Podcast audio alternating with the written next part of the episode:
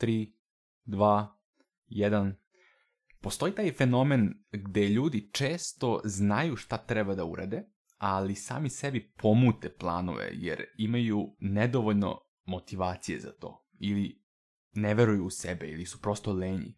Motivacija je sama po sebi jedna veoma diskutabilna tema o kojoj baš na ovom podcastu možemo često diskutovati iz različitih uglova posmatranja.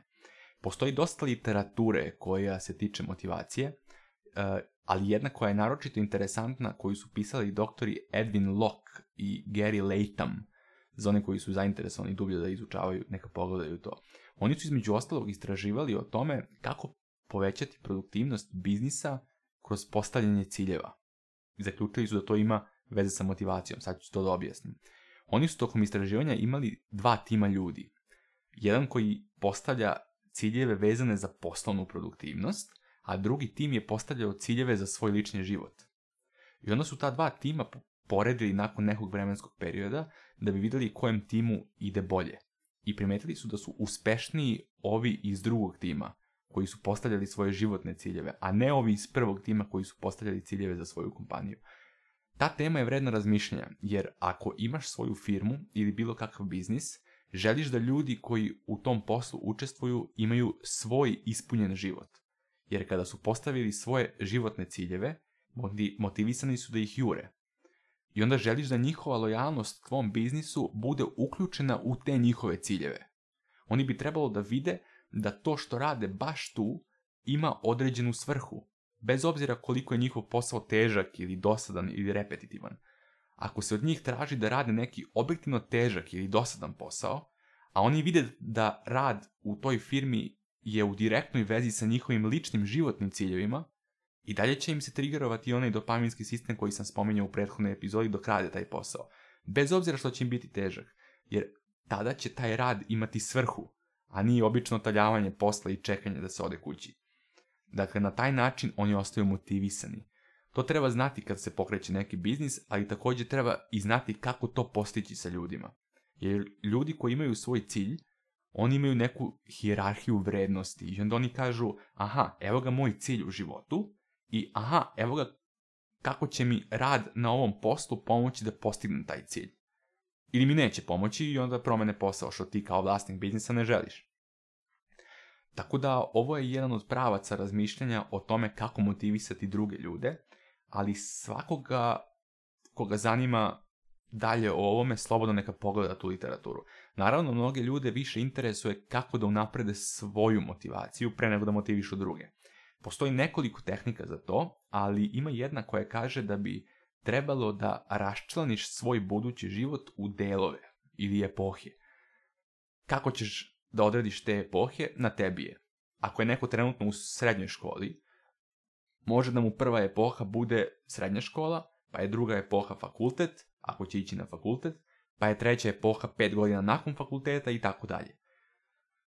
Za svaku epohu odrediš ono čime ćeš se primarno baviti u njoj i odrediš maksimalno dobro stanje u kojem možeš na kraju te epohe biti i odrediš maksimalno negativno stanje u kome možeš da budeš. Na primjer, za epohu fakulteta Maksimalno dobro stanje je u skladu sa tvojim željama, na primjer da ćeš ga završiti u roku sa prosekom iznad 9.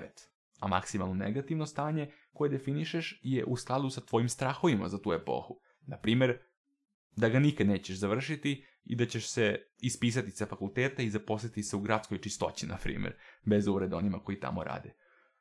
Tako uradiš za svaku epohu, a pored toga potrebno je napraviti jedan generalni plan rada na sebi. Na primjer, moram da razvijem kvalitetan karakter.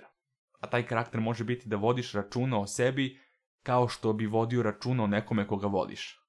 I to nije lako postići. Ljudi često vole druge više nego sebe. Nije ni čudo kad svako od nas zna sve svoje odvratne misli, loše stvari koje je radio, momente gde je slagao, prevario, povredio i tako dalje. Nije ni čudo što ne volimo sebe toliko, ali to mora da se promeni.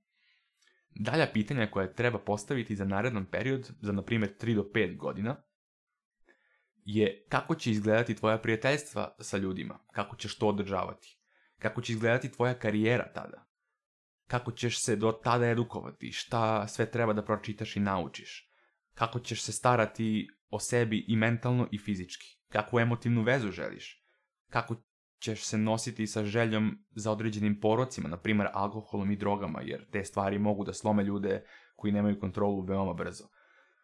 Dakle, izvoj sat vremena, razmisli o tome i zapiši.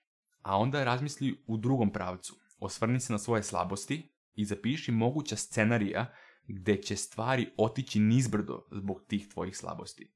Razmisli u tom scenariju kako ti izgleda život za 3 do 5 godina. Na taj način imat ćeš na papiru tačno kako izgleda ono što bi voleo da bude i ono kako ne bi trebalo da bude. Posljednji korak je napraviti izvodljivi plan za taj najbolji scenariju. Takav plan može da ti otkloni strahove za budućnost i da ti da hrabrost, jer imaš jasan plan, jedino što treba da kreneš da ga izvršavaš korak po korak. I svakim korakom ne samo da si bliži onome što bi trebalo da bude, nego si i sve dalje od onog najgoreg scenarija koji te plaši.